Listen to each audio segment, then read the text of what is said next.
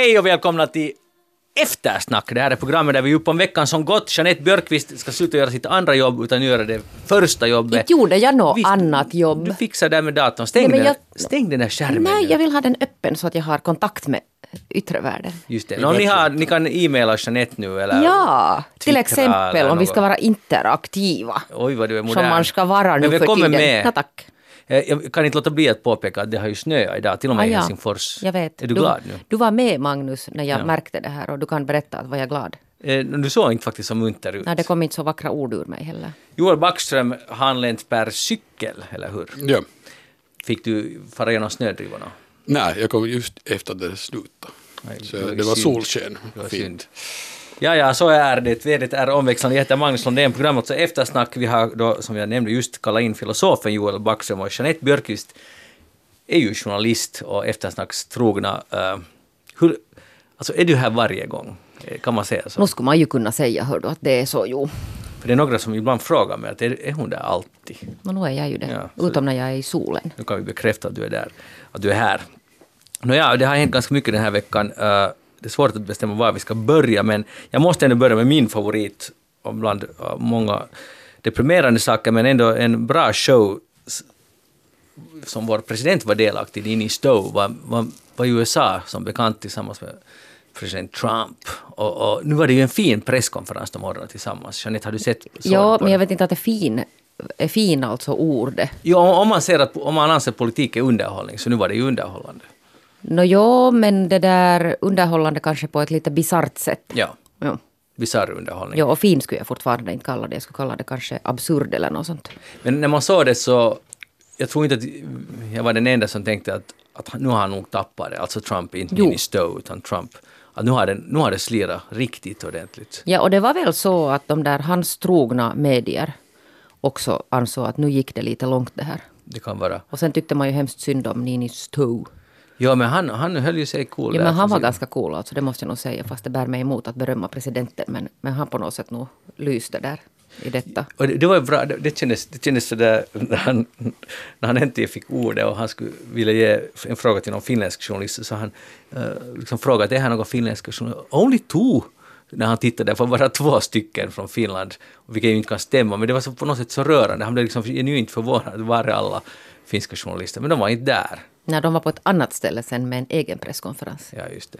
Men, men eh, i alla fall, eh, nu var det ju, jag undrar att hur tänker man, de som är Trump-understödda i USA, när de ser den här, det här bisarra spektaklet? Joel, råkar du kolla på det här? Eh, ja, jag såg den inte helt till slut, men det var ju annars ganska snyggt spelat sådär av Niinistö, det här, den här nipsten åt Trump att ni har en fin demokrati, se till att den uh, hålls igång. Ja. Jag menar, men, och, eh, man sa ju på Trump nog att han, att han noterade att det här var en, en pik mot honom. Ja, Då, se- ja. mm, men jag menar, men det, det är bara sådär, det är det som är liksom, tycker jag, eh, intressant med Trump, eller som ju gör att ingen riktigt vet hur de ska handskas med honom, så att säga, att när han att det där så, så som Niinistö framträder, så det är just så som man klassiskt i politik ska liksom framträda, särskilt i diplomatiska sammanhang. Att man säger aldrig vad man menar rakt ut, men, utan man liksom lindar in det eller gör det liksom underförstått, men så att man egentligen inte har sagt, han sa ju inte att, att du, är ett, du är ett hot mot demokratin, utan han sa att ni har en fin demokrati, att hoppas att ni kan hålla den vid liv. Så att, jag menar att man säger inte, man säger att man talar indirekt och kan inte säga rakt ut vad man menar. Och det är, och medan en Trump igen är ju på det sättet, därför är han så att folk inte vet vad de ska ta sig till med honom för han har ju så att säga ingen skam i kroppen i den här bemärkelsen. Att han bara liksom rakt ut är, är så vulgär som man kan vara som hela den här Biden-grejen eh, nu till exempel. Att han rakt ut säger att jag tar nu och red ut vad han gör, den här killen, åt Kina och åt eh, Ukraina. Jag menar, han vet att så här kan man inte göra, men han gör det ändå. Och vad ska man då göra? När hela spelet bygger på att man ska liksom ha upprätthålla en fasad och säga något annat än vad man menar och låtsas att man tar en massa ideal för, liksom på allvar. Eh, så blir det en sån här Trump, hur ska, man, hur ska respektabla människor förhålla sig till någon som inte alls är respektabel och inte liksom verkar bry sig om att han inte är respektabel. Så det blir en sån, vet ni, alltså att den vanliga, det vanliga spelet är sådär, äh, vad heter det, hypokritiskt, vad heter det på svenska? Äh, Alltså Skenheligt. Skenheligt, ja, på sätt och vis. Att alla vet att man inte riktigt tror på vad man säger, men det är viktigt att upprätthålla en fasad, en illusion av att man tror på det. Och han vill inte upprätthålla någon äh, illusion. Vilket era, Ja. vilket era sätt föredrar du? Nu är inte det en fråga om vad man föredrar, men bara att det förstås på sätt och vis så tycker jag att det kan inte vara på, på något sätt måste man ha några sorts illusioner i ett offentligt samtal. Det är alltid, jag menar, vad man kan och inte, man kan ju tala rakt ut bara med, på riktigt med folk så här eh, face to face, personligen. Inte kan man i offentligheten på det sättet prata på riktigt. Det blir, allt blir ju bara en sorts signal här som man sänder. Så att, uh, jag menar, Trump också förstås upprätthåller nog en sorts fasad. Att klart det är ett grymt spel att han säger att inte det är det att han, han menar allvar på det sättet eller ska vara ja. sanningsenlig eller någonting sånt. Men han bara liksom skiter i en viss sorts äh, respektabilitet. Han talar till en annan publik. Liksom. Mm. Och vadå viss sorts? Han verkar ju nog skita liksom det mesta där. Ja. Ask the Finnish president a question. Det var, det var ganska ja. spännande. Lite så här roligt att plötsligt var Finland i centrum, eller Niinistö, Niinistö ursäkta. I, eller oftast kallar de ju inte honom, tilltalar de inte honom vid namn, utan bara the Finnish president. Eh, att, att, han var ju där i centrum. Ja, han blev ju alltså särskilt i centrum som efteråt när de började göra sådana memes på sociala medier ja. alltså som, som cirkulerar nu. Där man har klippt ut alltså bland annat den här stället när, när Trump sitter och, och det där ska klappa honom på knä och sen gör alltså Niinistö, jag vet inte, det är en sån här omedveten sån här att, som att han skulle, ja, avvärjningsrörelse med sin hand. ja. Och det har ju blivit, och sen, alltså det har ju gjorts massor, massor. Och så då när han beställer notan. Ja, precis. Ja, det är helt fantastiskt. Ja, det, var en, det här var det veckans höjdpunkt. Men alltså de hade också diskuterat på riktigt politik i en rum, eller antagligen inte i en rum, men men miljöfrågor hade kommit upp och, och, och det som Ninistö också Ninistö lyfte upp i sitt korta anförande, det var några saker som var helt bra. En, en intressant sak som inte alls vad jag tycker har diskuterats i Finland var det att, att det kom fram här då plötsligt upp på scen kom Finland, eh, USAs ambassadör i Finland som också heter Pence, men de är inte släkt då. Och han kom där och berättade att nu har de fixat eh, att sådana här äh, alltså kvarläm, vad ska man kalla kvarlämningar av kvarlev, ja. Eh, av gamla vissa indianstammar som, en viss, som inte en viss utan herr Nordenskiöld, inte, en, inte uh, Gustav Nordenskiöld, som han på 1890-talet så tog han, forskade han, han är känd i området, forskade de här som bodde i grottor. I, och 1890-talet tog han, plockade han med sig allt möjligt därför han blev tillfälligt arresterad också för det på 1890-talet. Eh, men sen småningom har alla de här allt som han plockade med sig därifrån har kommit till Finlands nationalmuseum. Och nu har man kommit överens om att de ska alla återbördas till USA, till de här indianstammarna. Och det här var en ganska stor sak egentligen. Uh, det har inte alls nämnts här och, och, och så nu egentligen vill jag bara fråga, är det här en viktig sak? Tycker ni att det här är viktigt att det kommer tillbaka? Om man tänker att det har varit nu på ett museum i, eller de har legat någonstans här i, vad blir det, 130 år ser ni den stora symboliken här att de nu kommer tillbaka? Det måste man väl fråga, var det inte Hopi-indianer? Ja, de var nöjda. Ja, ja om de tycker så... att det är viktigt så det är, väl, det är ju deras sak om det är viktigt eller ja. inte. Så att säga. Men det där är väl något ett bra exempel just på hur sån här, den här vanliga politikens totala skenhelighet, att så sitter liksom nu är det jätteviktigt att respektera vår ursprungsbefolkning och bla bla. Mm från amerikansk sida. Och de har ju aldrig förstås gjort annat än totalt kört över dem och mm. tagit koll på dem basically. Och fortfarande har de liksom, att, att göra så här symboliska gester att någon som man först har totalt krossat och sen är man jätterespektfull. Jag menar, så nu är det totalt liksom fa men, falskt spel. Men igen, är det, är det, och medan Trump skulle kunna vara, ja exakt, jag mm. menar inte det är ju bättre om någon sen säger att vi kan, vi kan helt enkelt bara uh, fortsätta att spotta på indianerna. Mm. Som de ju inte mera får kallas heller. Men, men det här får ju alltid under Trumps spektakel. Ja, no, allt försvann ju sen. Det där, uh, det, det man ju har gjort att de får hålla sina kasinon i USA. Det här är ju den stora mm. eftergiften som, har, som USAs regering redan tidigare har gjort. Men jag, det blev, jag tyckte det var ganska intressant i alla fall att, att nu sker sånt här utan att jag i alla fall hade någon aning om det. Jag hörde en, sen, uh, en typ som hade talat med indianer, jag vet inte om det var Hopi eller vad, som sa, uh, alltså USA då, som sa att de hellre vill bli kallade indianer och inte, det är ju på officiella termen där är då native americans. Ja. För att native american låter som du skulle vara någon sorts djurart ungefär, eller något som hör liksom till naturen som fanns där ren före vi människor kom dit.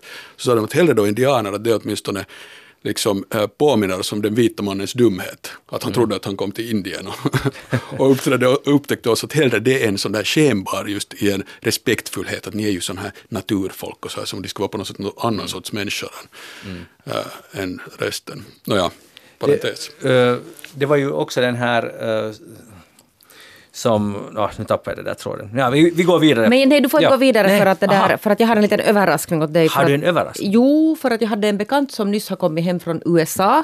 Och vi vet ju alla att du är en sån här Donald Trump-freak, skulle man kunna säga Beroende, så. ja. Beroende. Ja. Och då hade jag faktiskt beställt åt dig en liten present därifrån som jag också har. Det här är alltså en Donald Trump-penna. This pen is huge, står här. Och det är en sån här Magnus, att när man trycker på den här Donald Trumps huvud så börjar den prata. I will be the greatest president that God ever created. Och här finns tio autentiska, nej förlåt, åtta autentiska sådana här. Kommer det olika? Det kommer olika, så du kan det där... I'm really rich. Så du kan sitta sen liksom när du det där inte vet du är på Twitter och följer med honom, så kan du sitta där med din penna och trycka lite och lyssna. Det här kommer att uppskattas hemma. Ja. Ja, när det annars också blir ganska mycket Donald Att, Trump. greetings from America. Men jag, det var jag lyckades hemma med. Jag fick både min yngsta son och min fru att titta en stund på den här presskonferensen. Åh nej, du håller på att dra ner dem i det här träsket. Ja, men inte, inte så länge, men en stund i alla fall. Så det, det var positivt. Och, han sa ju där i presskonferensen igen det här, som jag tycker är alldeles fantastiskt, man säger om sig själv, man är ett stable genius. Att det är vad han är. Ja, men han säger något sådant motsvarande. Finns det också. med här? Det skulle Ja, men nu ska du inte trycka det där. Kanske det är inte så att alla har någonting om sitt, sitt hår. Du kan sitta hemma nu och gå igenom allt det här. Uh, I think I'm a nice person. People that know me like me. Ja. Ja. Det kan du ha honom att säga. Hej, det kan man ju alltid säga Du kan prata med den här pennan nu ska, ta, men tack Jeanette, var, Ja. jag älskar presenter. Det där var Ja. jätte, jättesnällt på alla sätt. Hej, men ännu en kort sak. Vad tror ni nu att Donald Trump, att nu är sagan all? För nu blir det liksom, det här Ukraina-spåret håller nu på att svämma över. Tror ni att det, jag vänder mig mot Joel här. Nej, jag tror inte. inte. Inte, all, inte en Men han på något chans. sätt, det där, allting rinner av honom, alltid. Men nu verkar han ju lite nervös. Nog, nu. Ja, det Nervösare än någonsin egentligen.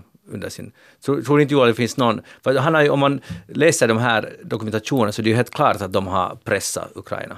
Alltså det är ju inte någon fråga om saker. Ja, men det är ju en sak också, fast det ska vara klart. Sen är det en annan sak att betyder det att han kommer att Nej. facto ställas inför rik- riksrätt och bli tvingas att avgå. Jag nu bara funderar då om det ens finns skäl. Och sen ska ju, att senaten ska godkänna det känns ju väldigt Ja. avlägset. Ja. Det är ju också helt horribelt att hela, att liksom hela det där politiska livet där går ut på något sorts, att, att allt tas via någon sorts underliga rättsprocesser. Jag menar det är ju helt horribelt. Inte för att, jag menar inte att han inte skulle ha gjort fel och eventuellt förtjäna att, att ställas inför rätta, men att man inte kan, när det är uppenbart politiska konflikter det handlar om och sen liksom lyckas man inte lösa dem på, något, på politisk väg så är det ju alltid ett problem. Att de ständigt håller på och liksom försöker på något annat sätt komma åt honom.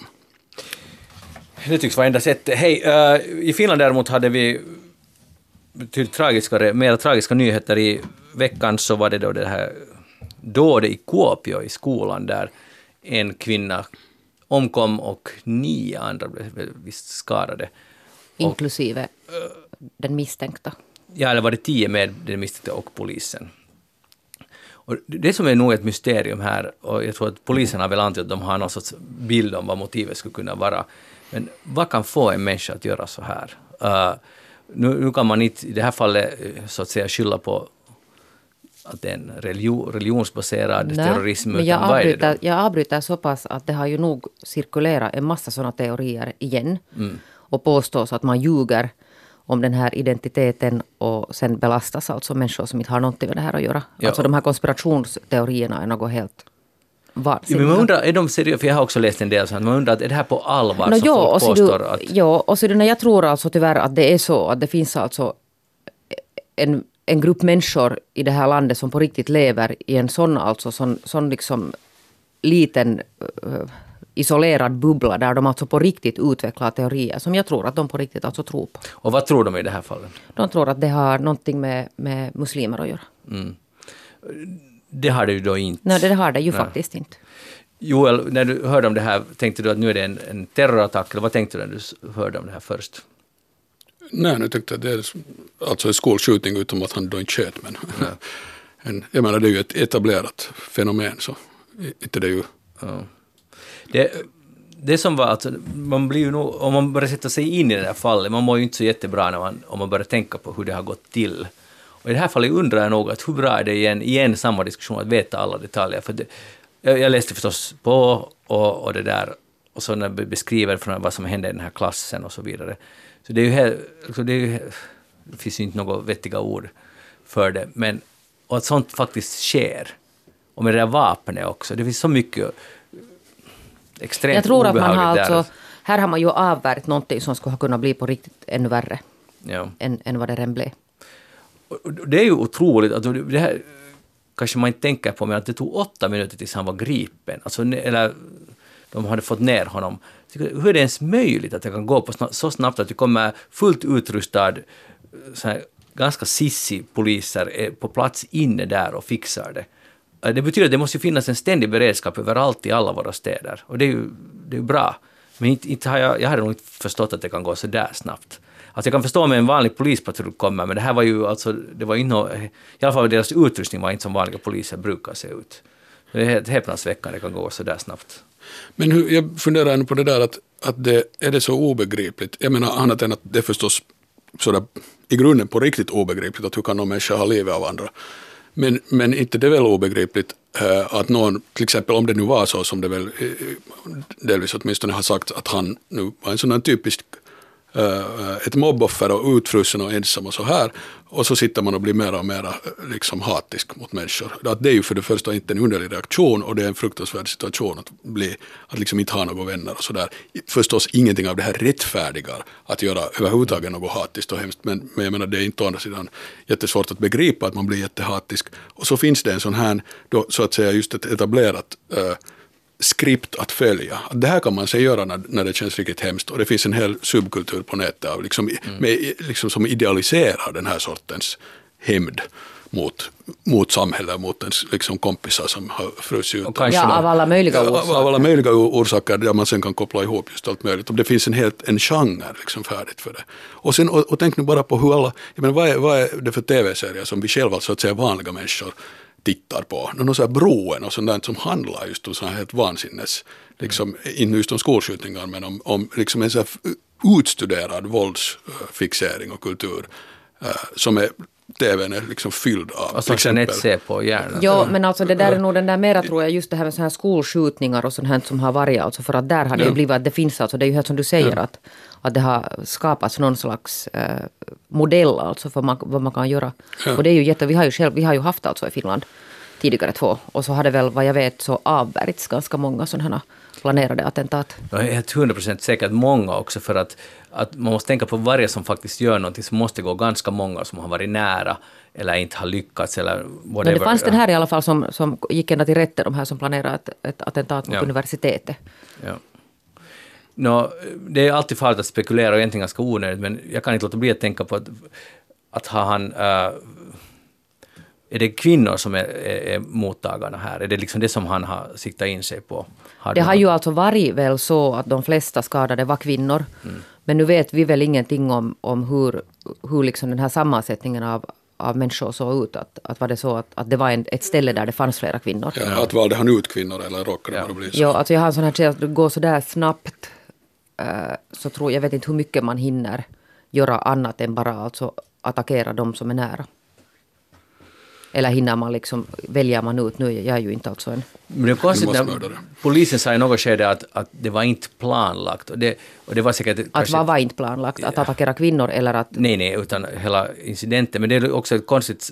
Det var säkert fel citerat eller någonting, för det var ju ändå nog planlagt. Han har beställt det här vapnet. Han Och har kommit med det till skolan. Ja, kommit, så då har man ju nog planerat det. Liksom. Jo, men jag tror att det där hade antagligen, nu, nu drar jag helt ur luften vad jag kommer ihåg, men hemma hos honom hade de ju hittat alltså något mer, var det sprängämnen eller något sånt för att skapa bränder. Liksom. Ja, alltså Brandbomber. sannolikt hade, det kan hända att det fanns någon plan på att göra någonting, Mm. någonting mer. Men det här är nu alltså helt spekulationer, de förhör ju honom fortfarande, så att någon gång kommer det väl fram sen någonting.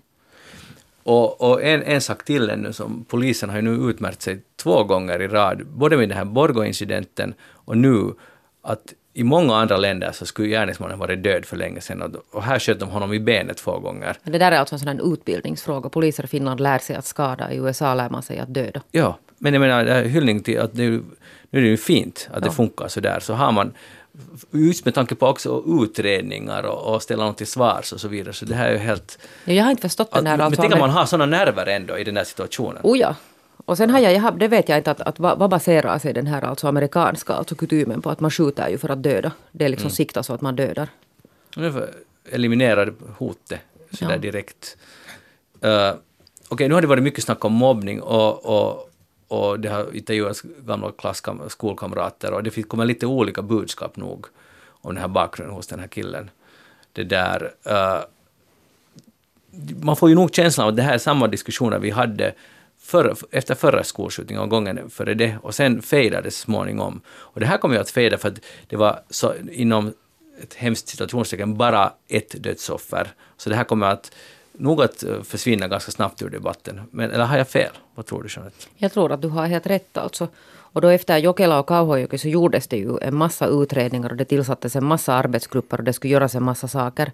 Men hur mycket av de här alltså de facto har, har inträffat så det vet jag inte. Kanske man övar utrymning till exempel. Det gör man helt säkert. Och där tror jag att eh, mycket har blivit bättre också det att, att det tar åtta minuter så är polisen på plats. Jag tror att många Men det råkar saker... ju sig till exempel för att det var i Kuopio som inte någon liksom den minsta staden Nej.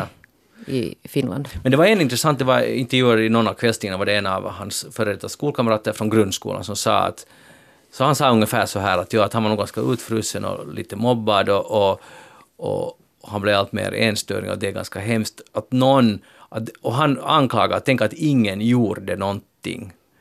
Och, och det där är ju alltid att, vem är det som ska göra någonting? Han gick själv i samma skola. Han, den här människan är 100% oskyldig, men han, han sa nog själv att han hade en gång bjudit honom på sin födelsedagskalas eller något sånt. och Han kommer inte ens ihåg om den här killen kom eller inte. Men, men ändå den här intrycket att det är någon som ska ingripa mot att någon är... Vem är det som ska göra det alltså? Förstår ni vad jag Ja, menar? ja. Det, ju, det finns ingen annan medmänniska som kan Så göra blir ju, exakt, så den där diskussionen blir ju ofta, alltså när man diskuterar liksom preventiva åtgärder så tänker man genast just på något sorts organiserade, att det är liksom de myndigheterna i en form eller annan i skolan som borde kurat, mera kuratorer så de genast kan se när någon mår illa. Och jag menar, inte det är förstås viktigt, men i grunden måste det ju handla om hur människor helt förhåller sig till varandra, hurdan stämning man har och att man bryr sig om sin, den som sitter i pulpeten bredvid. Liksom. Ja, och då kommer vi till det att föräldrarna behöver alltså uppfostra sina barn så att barnen till exempel ser till att, att vara sådana att de inte lämnar någon utanför. Ja. Det är ju inte, alltså lärarna kan ju inte, alltså, det finns en viss gräns hur mycket lärare kan eller kuratorer kan. Att det är klart de kan hjälpa men, men kan de sen till exempel tvinga någon att leka med någon annan, att, att, att det behöver finnas på olika nivåer den här. Eller att ta med. Och så vill ju ingen någonsin tro att det här case är just det här som kan leda till det här, det som skedde. Nej, och de Att den- flesta case är ju inte sådana, men jag menar, Nej, nej. Men jag menar de, de, de är alltså fruktansvärda på andra sätt. Det är just det att, både, att bara för att, någon, att de flesta som blir mobbade är utfrusna går inte att ha ihjäl någon, så det är ju inte något liksom, argument för att låta det fortgå. Nej. Utan det är ju hemskt i sig överhuvudtaget att någon blir utfrusen. Det är liksom på något sätt den där grundondskefullheten som finns i hur vi förhåller oss till varandra. Jag menar att, att till det värsta hör just det där att någon, när någon börjar bli liksom lite utanför så blir det större och större tröskel för någon överhuvudtaget att ha något med den att göra. Och man vill inte sen associera sig med den för att den redan är lite ute. Och, och ingen tar riktigt så går man lite och bjuder den en gång på födis men om den inte genast kommer eller om det blir pinsamt så sen får det vara att ingen liksom på riktigt engagerar sig. Nej, därför att det är Ingen väldigt enda- få som vågar, Ja, för att man ja, ja. riskerar sin egen ställning så att säga. Ja. Det ja, och sen det alltså det där att den där på, alltså det där börjar ju redan i, i dagis och lågstadieåldern. Mm. Och där, jag menar det är ju där till exempel man skulle kunna gå in och börja åtgärda. För att sen är det skede när man är i högstadiet och det här har pågått alltså jättelänge. Och barnen har fått, alltså de som, som fryser ut har fått fortsätta utvecklas ända sedan små. eh, Till att vara sådana att man får frysa ut folk. Och sen är det ju det förstås att det är, inte, det är ju inte så att det här är barnens problem utan vi har alla det här samma problemet. Så att man kan ju inte, man kan på sätt och vis kan man ju inte alla sådana här organisatoriska grejer man kan göra är liksom sekundära. Det där viktigaste är bara att själv bry sig om sin medmänniska. Och hur mycket gör man det? Det kan man inte liksom låtsas heller. För det märker ju till exempel någon som sen som blir utfrusen och sen kommer det någon välmenande tant eller farbror och låtsas att den bryr sig. Så det liksom hjälper inte, utan man måste bry sig helt på riktigt. Och då måste man bara bry sig på riktigt. Ja, och föregå Det som gott inte. exempel. Ja, ja. Jo, men. Joels poäng är det, och jag tycker det är bra, att bry sig på riktigt, att inte liksom åt, åt tjänstens vägnar eller för att någon har sagt att nu borde du lite bry dig, utan man måste innerst Ja. inne på riktigt bry sig. Så, såg ni den där annars, som inte var nu särskilt bra annars kanske, men en sån här svensk tv-serie om just en skolskjutning, den här eh, störst av allt tror jag den Men jag har läst boken. Aha, just det, okej. Eh, ja, men där fanns en, tycker jag, bra, eh, ett bra citat av den här huvudpersonen som då var en flicka som då sällskapade med den som sen blev skolskjutare. Hon blev själv misstänkt för att ha varit delaktig. Nåja. Och så frågade man henne att varför stannar du med honom sen under rättegången? Varför stannar du med honom trots att han var jätte, alltså betedde sig destruktivt mot sig själv och mot henne och så här. Och så svarade hon att eh, hon stannade för att ingen annan gjorde det. Och det tycker jag är helt begripligt. Jag menar, hon, det ledde sen inte hon lyckades inte förhindra någonting utan det blev den här skolskjutningen. Men bara den där känslan av att alla sticker och då kommer förstås alla andra att säga åt henne också att du ska också sticka, inte stanna med honom. Inget, så alla bara dumpar en människa. Det är ju det som alltid är hemskt. Och jag menar, inte kan man ju kräva att någon ska stanna med någon som beter sig självdestruktivt. Inte kan man tvinga sitt eget barn att gå och vara kompis med den där eller någonting sånt. Men det, men det är ju en otroligt tragisk situation att alla bara sticker och sen blir ju denna människan, jag menar det hjälper just inte att bara låtsas sen att vi bryr oss på något sätt lite om dig utan någon ska på riktigt behöva bry sig. Och det kan man inte sätta på någon annans axlar. Det är ju alltid bara Nej, man själv som kan bry men sig. man hoppas att någon, någon skulle göra någonting. ja, ja, Det är ju ja. liksom det där. Och, och i det här fallet säkert också, eller tydligen. Nå, vi kommer säkert få veta mer information om det så kallade motivet och bakgrunden till allt det här. Mm. Samtidigt så må- måste man ju säga att, att när, när det sker en som terrordåden i Åbo så var det jättelite snack om, om psykiska hälsan där. Utan Det var direkt en, ett terroristdåd. Ja. Direkt.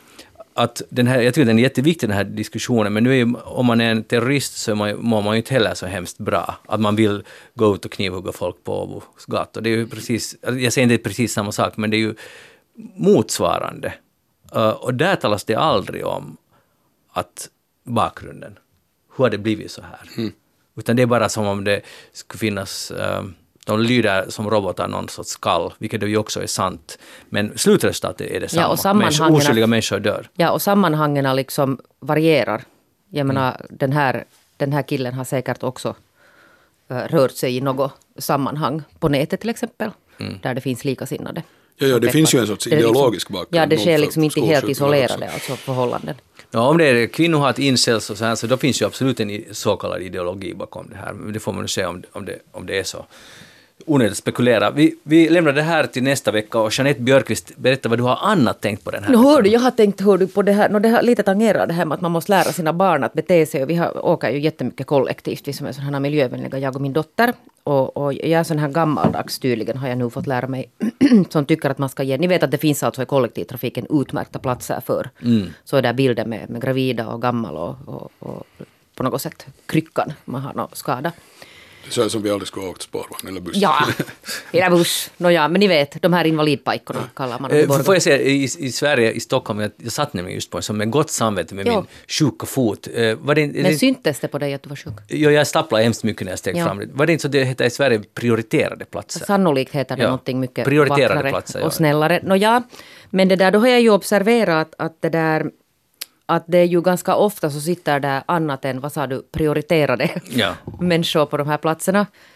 Eh, och sen har jag då tyckt att, att det brukar vara så att de verkar stiga upp lite dåligt. Jag är alltså jättenoggrann och jag har uppfostrat mitt barn också. Jag menar man kan ju stiga upp också. Det, det är ju inte bara de här platserna. Som en del verkar tro att det är sådana här öronmärkta och sen får de inte sitta någon annanstans, de här som behöver sitta. Och det där, nu läser jag då i He- Helsingin Sanomat hade just gjort en sån här test. Och det visar sig att jag har helt rätt alltså. Att, att den här som, som förr i världen så anses det vara helt självfallet. Att kommer det in någon med, med skröpliga ben eller med en krycka eller med en jättestor gravid mage eller kanske med en baby i famnen eller något sånt här, så stiger man upp och ger sin plats. För att de flesta är ju alltid friska i benen. Men, men så sker inte mera och nu har de intervjuat en massa sådana äldre damer och herrar som berättar att det är just så. Att nästan aldrig alltså stiger någon upp.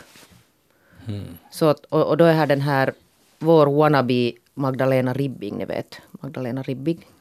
Som heter Karina Suonperä som brukar alltid uttala sig om vett och etikett. Och hon säger att, att, jo, att, att hon har också märkt det här att, att folk liksom har börjat tappa det här. Den här liksom vanliga vettet. Att man inte liksom beter sig mer så som man gjorde tidigare. Förlåt, jag skrattar men alltså det här är jätteintressant att du säger så här. För att jag är ganska säker på att om eftersnack skulle ha funnits 1976 när, när de här lapparna kom upp i spårvagnarna och i bussarna så, så skulle någon ha sagt att nu är det nu. Förut det- så respekterar man de äldre. Ja men alltså de har ju kommit upp alltså antagligen. av- Inte har det ju funnits sådana här lappar tidigare. Nu fanns det när vi var små. Ah, ja, no, men, Ja. men det där jag tänkte att de kanske har, no, inte vet jag. Ja, men jag menar, är du säker? Är, vi- är, vi, är vi säkra? Alltså det är ju uselt att folk inte Jo, stiger upp, men är vi säkra sen- på att det har blivit värre? Jo, och sen googlar jag och tänker att hur har de det i Sverige då? För att det där, nu måste man ju alltid titta på att hur har det gått i Sverige. och där har paradiset. De, ja, och där har de gjort alltså samma tester och kommit fram alltså till samma saker. Mm. Eh, och förklarar alltså det med att människor är så absorberade nu för tiden av sina skärmar. Så det kan hända att det handlar inte ens om det att de skulle vara ouppfostrade eller egoistiska eller på något sätt liksom oempatiska inför andras rörelseförmåga utan att de helt enkelt alltså inte märker någonting omkring sig. Det är ju, låter helt möjligt. Jo, men där, hade då, där var också sådana här äldre svenska personer som berättade om, om hur de brukar göra. Att det var någon gubbe som hade gått och knackat sen på någon sån här ung människa som satt och stirrade på sin telefon. Mm. Och sen alltså blivit avhyst, alltså sådär helt... Stör inte. Ja, sådär stör inte gubbe. Ser du inte att jag är mitt i? Och det, hade, ja, och det hade då slutat med att han hade fått stå med sin rullator. I inte. Sverige. Det, det var inte men, men kan du medge ändå att proble- problemet är det att man kan, rent vetenskapligt är det jättesvårt att bevisa för, att- för att alla, om man jämför, det har, man säger att det har blivit sämre. Sen är, ändå man, Men för- för- Karina Ja, Suompera men- är äldre än du. Hon är, men lyssna, det här är det som är pro- problemet också för Karina. Att när hon har varit ung så har hon uppfattat att vi, vi var nog, vi respekterar nog och steg upp. Och sen blir man själv gammal och man, har ingen, man kan inte objektivt jämföra de här, för att man har en bra bild av hur man själv betedde sig och nu är man själv hör till den äldre och då tycker man att det har blivit sämre än vad man själv betedde Men jag hör sig. ju alltså Alltså det är inte någon, det är inte någon, Nej, men det alltså- finns inga fakta. Nej, men ingen alltså av oss i den här studion hör väl till dem som någon stiger upp för. Liksom, Vi är ju nu prioriterad. Så att, Ja, no, nu är det, Jaha, men det, det syns ju alltså inte på dig. nej, nej, utan sant. folk tror ju att du är sån här, just sån här egoistisk svin som bara sitter där och låter tanterna flyga omkring i korridorerna. Joel, brukar du stiga upp? Ja, självklart. Jag menar, eh, och inte, det är ju annars intressant att det borde ju inte alls behöva finnas något prioriterade Nej, platser. exakt. Utan varje plats borde väl vara prioriterad i den där bemärkelsen. Att om man ser att det är någon som har tungt att stå så ger man sin plats. Um, men ja, jag menar, inte, och dessutom har det ju annars inte något med vett och etikett att göra utan det har ju att göra med liksom omtanke om sina medmänniskor. Som ju, är- för det är ju ett problem liksom, tycker jag på sätt och vis. Att det, det som förut var att man hade mera, för på något sätt stämmer det ju att man hade mer respekt för äldre. Till exempel för Eller överlag människor som har svårigheter att röra sig. Det finns ju av alla de slag. Ja, men till exempel, jag menar, mera respekt för äldre, det skulle jag nog säga att det fanns förut. För att det, hela, det liksom fanns en sorts idé om auktoritet i samhället som inte mera finns. Att jag menar, man, har inte, man hade respekt för no, prästen och läraren och sådär om man går lite längre bakåt i tiden. Och det är ju inte bara alls en bra sak. Det är lika mycket en dålig sak som en bra sak. Att om man stiger upp därför för att man har så mycket respekt för äldre så vet jag inte om det är så bra. Man borde väl stiga upp för att man ser att tanten har eh, tungt att stå, så man ger plats därför. Och därför så ger man plats åt vem, vem som helst annan, inte bara för att den är äldre liksom, utan om någon annan verkar behöva den här platsen. Så det borde väl inte ha med auktoritet på det Nej, sättet, auktoritet att göra, utan med bara Mänsklig medmänsklighet helt enkelt. Men de här svenska tanterna så de hade gjort en sån här observation att de som vanlig, vanligast, alltså snabbast flyger upp från, från bänken och erbjuder en plats. Så det är alltså yngre män med invandrarbakgrund. Jaha. Och det hade de alla, alltså, de hade intervjuat tror jag, fem stycken och alla alltså helt oberoende av varandra. Och de förklarade alltså med det att där finns fortfarande den här på något sätt respekten Exakt, för äldre. som just där råkar få ett trevligt uttryck och sen har den en massa verkligen otrevliga uttryck. Jag menar, att, för respekt är alltid sådär problematiskt och auktoritet, medan medmänsklighet är ju inte något problematiskt överhuvudtaget. Men vi är lösningsinriktade här i eftersnack, så vad ska vi nu göra av det här Jeanette? Vi ska alltid betrakta folk omkring oss och det där ta hänsyn till, till andra. Och by the way, det där att sitta med sin telefon hela tiden, så det är ju redan en form av självupptagenhet. Jo. Att om man inte, att man liksom bara, man är ute på stan och så lever man ändå i sin egen bubbla bara. Men det är och tar helt ingen, alltså- liksom, beaktar inte Alltså det är helt omkring otroligt intressant att åka kollektivtrafik och så tittar du omkring dig för där sitter alltså, det här är alltså hur alla sitter med sin skärm. Alltså det finns ingen sån här interaktion någonstans med några människor mer. Det är nog alltså, det där kan jag säga objektivt, det är ganska ledsamt. Eller att se. hur? Att om man öppnar ögonen och tittar på det, så nu, är det, nu har vi hamnat ganska sorglig. Eh, Alla har ju roligt säkert där för sig själva. Och man kan säga att det är bra då, men det finns absolut ingen interaktion som ni sa här med varandra. Det, det är ganska konstigt Ja. och hur snabbt det har gått. Eh, men det, så, så är det och vi, vi får leva med Jeanette med Men det här. jag tycker nu inte att du med du går ju alltså. Jag Behöver du nu faktiskt en prioriterad plats? Men jag tänker så här att eh, då var, det, var tunnelbanan full, fylld på alla andra, så jag gick där och satte mig och så tänkte jag med det här att om det kommer någon så då flyger jag upp och ger min plats. Så, så tänker jag nog också om jag sätter mig på en sån plats eh, här i Helsingfors, att du tycker man, man, har nog på det sättet, man får nog sätta sig där, men man måste vara extra uppmärksam om det kommer någon som behöver Alltså jag är ju platsen. så lydig så jag sätter inte ens mig på de här Aha. platserna. Jag gör det nog ibland lite dåligt samvete, men jag måste bara vara jättenoggrann med att stiga upp, flyga upp genast när det kommer någon. Jo, så där att du är jättemedveten om att du sitter på fel plats. Extremt, och att jag inte borde få sitta där. Ja. Joel Backström, vad har du tänkt på den här veckan? Uh, nu har jag faktiskt också tänkt lite på sådant med, med att uppfostra den yngre generationen. Oho, oj. Ja, riktigt från Ja, medelålders ja det kanaler. verkligen. Uh, nej, jag uh, pratade med två bekanta eh, som, och det var om sån här liksom, eh, sexualuppfostran i mycket vid bemärkelse om man säger så. Det, ni vet den här eh, idén om ni minns hur, hur diskussionen gick då i, när metoo var som liksom mest aktuellt att, man, att det viktiga var alltid att lära våra pojkar att, säga, att nej betyder nej. Det här var liksom det som man tänkte att skulle vara det absolut viktigaste. Då var det två intressanta saker som de här två mina bekanta sa, båda den ena eh, hon har söner och hon sa att att, men hon vill också understryka för dem att de får också säga nej. Att det är inte bara så att det är liksom kvinnor som kan, flickor som säger nej och då ska de förstå att det är nej, utan de behöver inte heller säga ja, utan de ska tänka att vill de och så kan, kan de säga nej. Och den andra en som har döttrar sa att hon vill understryka åt sina döttrar eh, att de ska, om de säger nej så ska de mena nej. Inte bara att pojkarna ska förstå att nej, nej, utan man måste också mena vad man säger. Nej, jag tycker båda de här sakerna är jätte, eh, liksom viktiga och, och blev inte då åtminstone och allmänt i debatterna blev det inte alls liksom betonat på det sättet som jag tycker att det ska förtjäna. Alltså det där första, att, poj- jag menar om man tänker sådär att det problemet är bara att, att äh, pojkar förstår inte att nej är nej, så har man ju i bakgrunden förstås en helt sån där traditionell chauvinistisk idé om vad, hur det är att pojkar vill alltid och, det bara, och flickorna vill egentligen inte och säger bara nej. Och jag Nej, vill egentligen men säger nej. Var det det? Ja, nej, nej, utan om man, eh, de som sa att problemet är att pojkar måste förstå att nej är nej. Så jag menar, det, det bygger ju helt på en bild av en, att relationen mellan pojkar och flickor, män och, och kvinnor inte alls är symmetrisk. Att det, det är bara liksom pojkarna bara vill och kvinnorna vill inte i grunden. Att det här är grundproblemet. Och det är ju en helt grotesk bild, inte det är ju alls sant det där. Jag menar, pojkar har precis lika svårt som flickor med att veta vad de vill när man är ung, eller varför inte när man är äldre också. Veta vad de vill, våga säga vad de vill och att inte gå med på att eh, en sorts idé just om att de alltid ska vilja till exempel. Så att, eh, så det tycker jag är en viktig sida av saken. Och sen det där igen att flickor ska och pojkar förstås lära sig att, att mena vad de säger. Så att nej på riktigt betyder nej. För det är ju ett faktum förstås att nej inte alls alltid betyder nej. Liksom jo inte betyder jo. Utan man säger nej och sen är det helt klart att man egentligen menar någon sorts jo. Eller nu, sluta nu. Och sen är det liksom en inbjudan till något annat. Så förstås, och då blir ju en, om man sen försöker uppfostra några pojkar att nej betyder nej och så märker de i sin erfarenhet att det, det är ju inte sant. Så vad, vad ska de liksom förstå av det? Så det är ju lika viktigt att alla har förstås sitt ansvar i hur man förhåller sig i sexuella relationer och annars också. Att försöka mena vad man säger. Men det här, skulle, det här skulle kräva att alla talar samma språk. Att Ja, alla ja. följer de här tre reglerna som du just sa. Eller, men det är ju inte regler. Nej, nej, men inte, äh, sättet att kommunicera. Ja, ja. För att annars funkar det ju inte. Det måste vara liksom lika för alla. Att nej är nej och, och att man menar nej. Förstår du? Om, om en bryter den där grejen så funkar ju inte den här kommunikationen. Förstår du vad jag menar? Ja, jag förstår på sätt och vis, men, men det är ju det att, att nu eh, man vet ju på en människa, om man vill veta, så vet man ju nog om den till exempel, att det finns ju en skillnad på någon som verkligen menar nej och någon som säger nej men inte menar nej. Och nu kan man se den där skillnaden och, och höra den, känna den på sig, om man vill, om man inte själv liksom vill ignorera den. Så att säga. Och bara, ja men hon sa ju ja, och så, fast det, egentligen så var det helt klart att hon inte menar ja. Så jag menar, eh, att, att på det sättet är ju inte kommunikation något som sker enligt regler, utan det är ju en relation mellan två människor.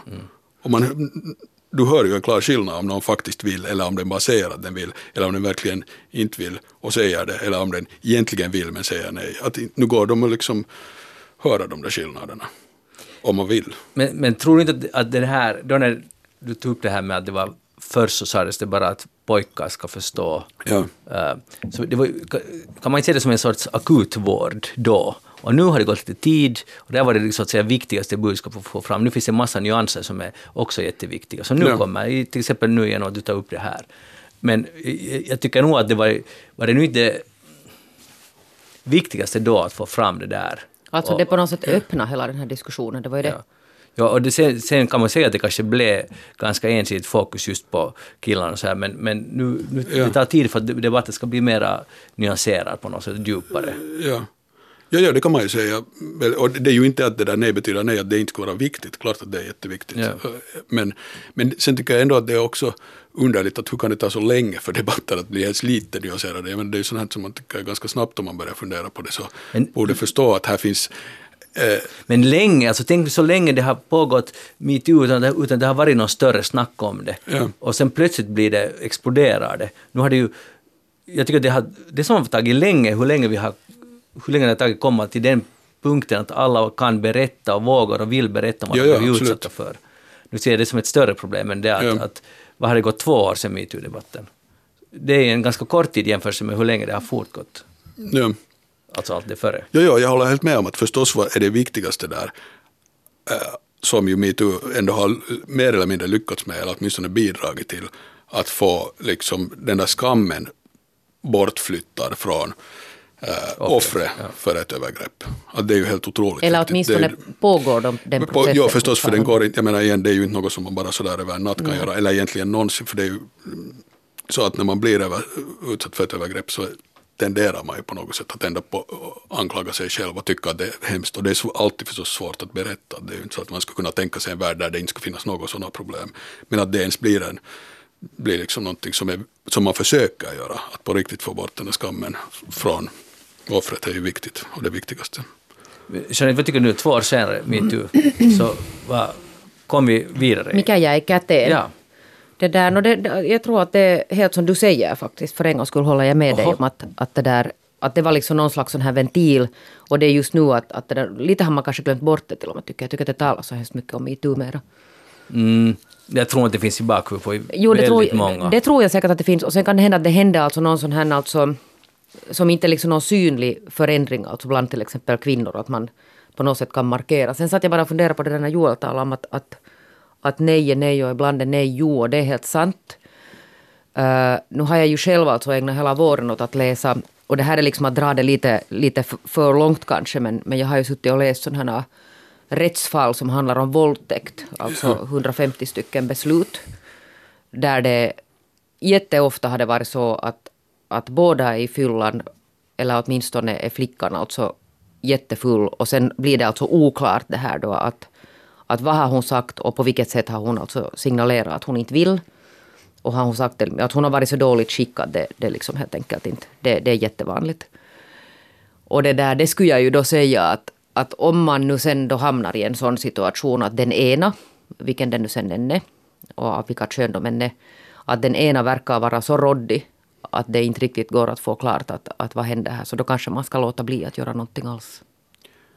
Det låter ju som en sådär mänskligt taget Ja. vettig Men där kan det vara att, att man kan ju alltså i ett jätte sånt här berusat tillstånd på något sätt kanske säga ja men inte riktigt förstå vad det är man säger heller. No, helt säkert. Jag menar, det kan man göra helt nykter också förstås, av alla möjliga skäl. Att man vill liksom smickra in sig hos någon, hos den där människan eller hos någon annan kom- kompiskrets eller vad som helst. Det finns miljoner skäl varför man kan säga jo utan att egentligen mena det. Ja. Men ja, är man på fyllan så då är det ju det är ju det dessutom att ofta så drar ju sig folk på fyllan för att sen kunna göra saker som de egentligen inte liksom vill ta ansvar för när de är nyktra. Så att det har ju den sidan också. Sen vet jag inte hur man juridiskt ska, det är ju det att hela den där De flesta alltså frias ju. Det Ja, alltså ja, de ja. som ens Och- går så långt som till, till domstol. Ja, Och motiveringen är att det är Det oklart. att det, att det är så, så för svårt alltså att leda i, i bevis sådär helt rent juridiskt. Att vad var det som hände. och så är det ju. Men det är ju alltså det som- de håller på ja. nu och pynja med den här lagändringen. Jo, men, men det är ju det att den här lagändringen kommer ju inte heller att ah, liksom på sätt och vis förbli problemet helt detsamma. Jo, så är det. Att- jag tror att det är mer en sån här kanske på något sätt symbolisk Ja, också. ja, ja. Symbolisk. Men jag menar för att juridiskt är det ju alltid så, vare sig det att eh, någon har sagt eller uttryckt att den inte vill eller den har sagt eller uttryckt att den vill. Eh, så då kan man ändå, det, säger inte ännu någonting om hur den, vad den på riktigt kände och det kan inte liksom domstolen på det sättet egentligen ta ställning till. Fast den här människan som har sagt och den här människan som har gjort någonting sen, de nog vet eller skulle kunna veta om de ville veta. Men det kan inte, man kan inte liksom i en domstol fastslå att men menar hon egentligen Nej, men det är en säger en och den andra ja, säger ja. annat. Ja, ja, exakt. Men fast, jag menar, fast någon skulle ha sagt någonting, så om, någon, om det är klart att någon har sagt eh, jo jag vill, så då måste det ju juridiskt vara okej. Fast det skulle på riktigt ha kunnat vara så i den här situationen att, det var helt klart att ho- hon eller han ville inte alls. Och den andra har vetat det. Men om har det liksom, det kan ju inte domstolen göra något. Jag menar bara att det där juridiska begreppet om samtycke är ett helt annat än Mm. vad samtycke på riktigt är mellan människor. När någon Så är det. faktiskt vill. Jag, jag, jag tänker faktiskt fortsätta inte alldeles muntra eh, teman. Eh, Tidningen Filter, utmärkta läsmagasin i- i Sverige, har en oändligt lång artikel som handlar om så kallade apatiska flyktingbarn. Och de har uh, uppenbarligen som första medium eller journalisten som har grävt i det här har alltså letat reda på de barn som var karaktäriserade som apatiska flyktingbarn för typ tio år sedan och nu är de unga vuxna och intervjuar dem, hur var det egentligen?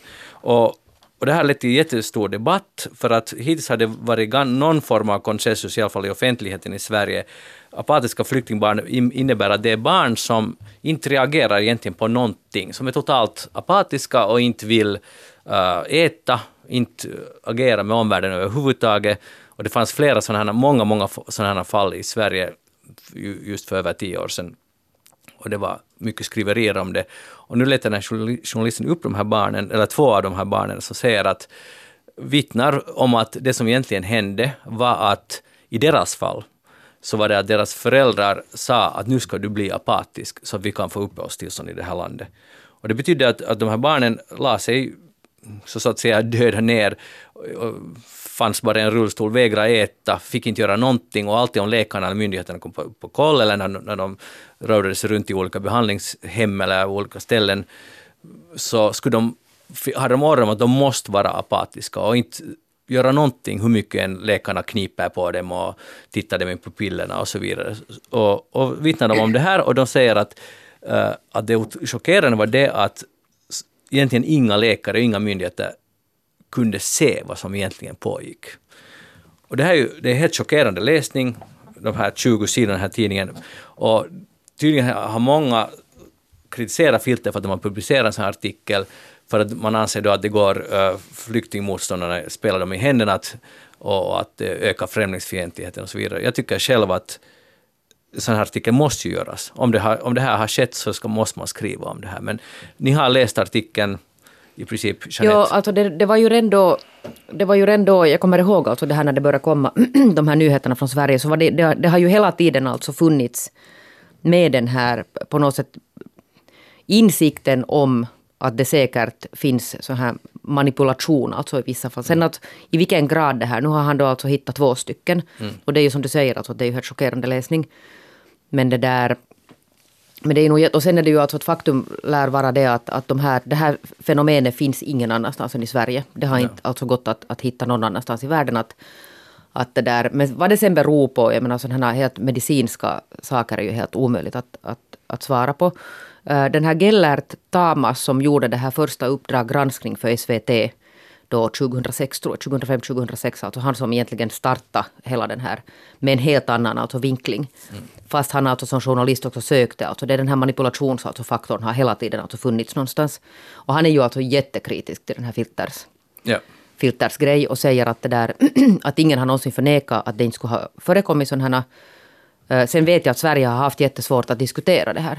Att nu fanns det alltså i något skede den här vet ni, att, att när, när rapporteringen går åt ett visst håll så då, då kör man ditåt och sen får man inte säga något som ifrågasätter det här. Och det här är just det, det ängsliga Sverige har problem med det här. För att det här är en, åtminstone en del av sanningen är nu det här. Jo, jo, det alltså är väl helt verifierat som de skriver där också. De talar alltså med människor som har jobbat alltså med de här.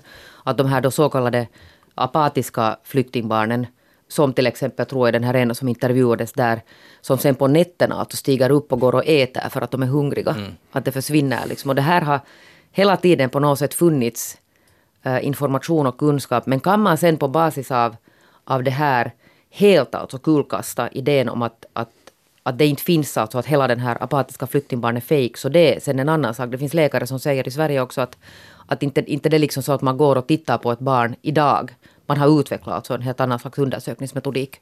Mm. Att, att, att, att man kan inte liksom fejka apati mera. Kanske man kunde då. Men alltså, man, man skulle tycka att det går att fejka i det avseendet att om pressen från, om, om barnet vet att hela jo, vår finns... framtid hänger på det här, att jag måste spela apatisk för att vi ska få uppehållstillstånd. Jo, men och, och pappa blir väldigt, väldigt arg och våldsam om jag inte jo, gör det. Så det då man ju, är man ju nog ganska flexibel. Jo, men det är alltså den här, sån här som, som de här läkarna nu talar, men det är ju alltså jättekluvet det här att, mm. att, att nu är man liksom för eller sen är man emot där i Sverige. Men helt kliniska undersökningar, blodtryck vet ni, till exempel pupillerna vet jag inte att ska man titta på ett annat sätt alltså. Men de har ju efter den här, alltså under de här åren så har de ju nog utvecklat mm. den här. Men det är helt säkert sant att på den här tiden har det, eller det har ju gått, inte, inte tvivlar jag på att inte det här är sant vad de skriver. Mm.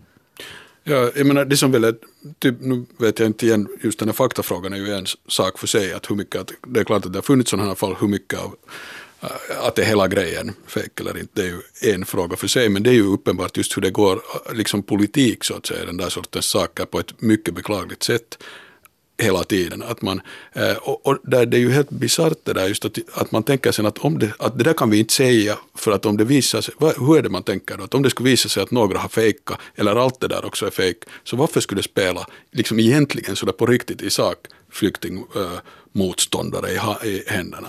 Hur så, jag menar, inte betyder det ju alls att alla flyktingar fejkar eller att man borde ta mindre flyktingar eller att systemet borde bli hårdare. Kanske det borde bli tvärtom mm. mjukare så att inte folk skulle behöva Nej, liksom tvinga sina barn ja. till sånt här. Så det finns ingenting, att man gör hela tiden sådana kopplingar som inte alls finns på riktigt. Liksom. Och så gör det att man just måste börja ljuga för att man tycker antingen det ena eller det andra. För man är så att ängslig för att, alltså, om, om det här är ett problem och, och, det finns familjer som så att säga pinar sina barn på det här så måste det ju komma fram. Att, inte, mm. inte det är ju, ingenting blir bättre av det. Sen, sen som det kommer fram i artikeln att de som var av andra åsikter som vill att det här ska offentliggöras liksom tidigare, eller liksom att, att det här är en möjlig förklaring till det här syndromet. Så de blev nertystade. Ja, det hade väl strukits någon mening också från någon rapport alltså, ja. där man inte alltså fick ifrågasätta på något sätt föräldrarna. Och det är extremt fegt. Jo. För, och, och, och, det är barnets rä ja. rättigheter man borde tänka på i första Exakt, och man bryr sig verkligen inte, det är typiskt för sådana fall också, att man, de som menar sig bry sig om flyktingar så visar att inte, de bryr sig åtminstone inte om de där barnen i det här fallet. Ja. Men det är just den där som du sa Magnus, den här ängsligheten för att någon minns jag att var det i den där eller var det någon av de här, det har skrivits jättemycket i Sverige nu de här senaste dagarna om det där, men som sa det att, att om man då tänker att det här inte skulle ha varit flyktingbarn, utan plötsligt liksom ett gäng infödda svenska barn någonstans i någon liksom gruppering, vet ni, någon stadsdel eller whatever, plötsligt blir alltså, börjar barn bli apatiska på det här sättet. Så hur ska man ha agerat då? Det är ju klart liksom att, att man skulle ha agerat på ett helt annat sätt, för då ska man inte ha den här ängsligheten att, ja. att vågar man ifrågasätta. Ja. I alla fall, jag rekommenderar den här artikeln och, och, och måste nog säga att Filter gör helt rätt i att publicera det här. Så länge allt det här som nu står är sant. Så ja, men. Filter är en jätte, jätte ja. erkänd, mycket respekterad ja. publikation. Ja, men, men, det är ju helt otroligt tycker jag att folk kan nu till exempel komma och säga att de borde inte publicera. Jag menar, hur, att man liksom basically rakt av säger att man tycker att nu ska vi ljuga så mycket vi hinner bara för något som man tycker är goda ändamål. Mm. Så, och helt som man skulle kunna bygga någonting alls i längden på lögner heller. Utan tvärtom det är ju just alltid att spela precis alla rutiga krafter i samhället i händerna. Så. Mm. Att, och så publiceras det någon annanstans istället. Nej, men det är exakt så, så de för att det är just det att allt som händer, alltså det måste ju ut, alltså det måste ju upp ja. till diskussion för att, för att det är ju så att börjar mm. man alltså uh, förtiga och så här, så det, det, är exakt som Joel säger, att då spelar det liksom de här krafterna i händerna. Så är det. Hej, slut ögonen för ett ögonblick, alla tre här i studion. Nu och nu har ni ju slutat ögon, för jag har också. Vilken färgs ögon, Jeanette, har Joel? Du får inte Blå. Okej, okay, vad har Magnus? Blå. Joel, vad har Jeanette? Blå. Okej, okay, nu får ni öppna ögonen. får vi titta. Jeppe, vi har alla blå ögon. Det betyder att vi egentligen innerst inne är släkt med, med, varandra. För nu har man Härligt. kommit fram till att det finns alltså forskning. Uh, vi är alla offer för en sån här muta genetisk mutation som skedde för 6 till 10 000 år sedan ungefär. Men var väl Luddy-kusiner? Ja, alla, Luddy, var, Luddy. alla var brunögda före det i hela världen. Sen kom våra, var någon av våra förfäder, vi är då alla släkt, vi är finlandssvenskar för det första så det är inte så konstigt. Men, men i alla fall, så någon, någon där för 6, 7, 8 tusen år sedan fick någon genetisk ding-dong och blev, fick blåa ögon. Och alla som är blåögda i hela världen har samma för fäder eller moder, hur det nu funkar. Men vad härligt, nu besparar ja. vi oss den här kraften att det där göra släktforskning. Nu vet vi att vi är släkt. Ja, alltså det, det förenklar så mycket. Ja. Men, men är vi inte också släkt sen med alla de där brunögda ändå från lite tidigare? Jo, tidigare, så men vi är liksom på invandrare på ett sätt. Ja. Eller vi är liksom ett nytt fenomen. Mänskligheten 2.0. Ja, det finns liksom ursprungsmänniskan, de är ja. brunögda. Native-människor. Ja, native. Så alla brunögda kan nog, de kan nog säga att vi var här före, egentligen. Jag tror min pappa var ju brunögd. Det kan ni tänka på en stund. Nu blev det nog råddigt i blev mitt huvud. Ja.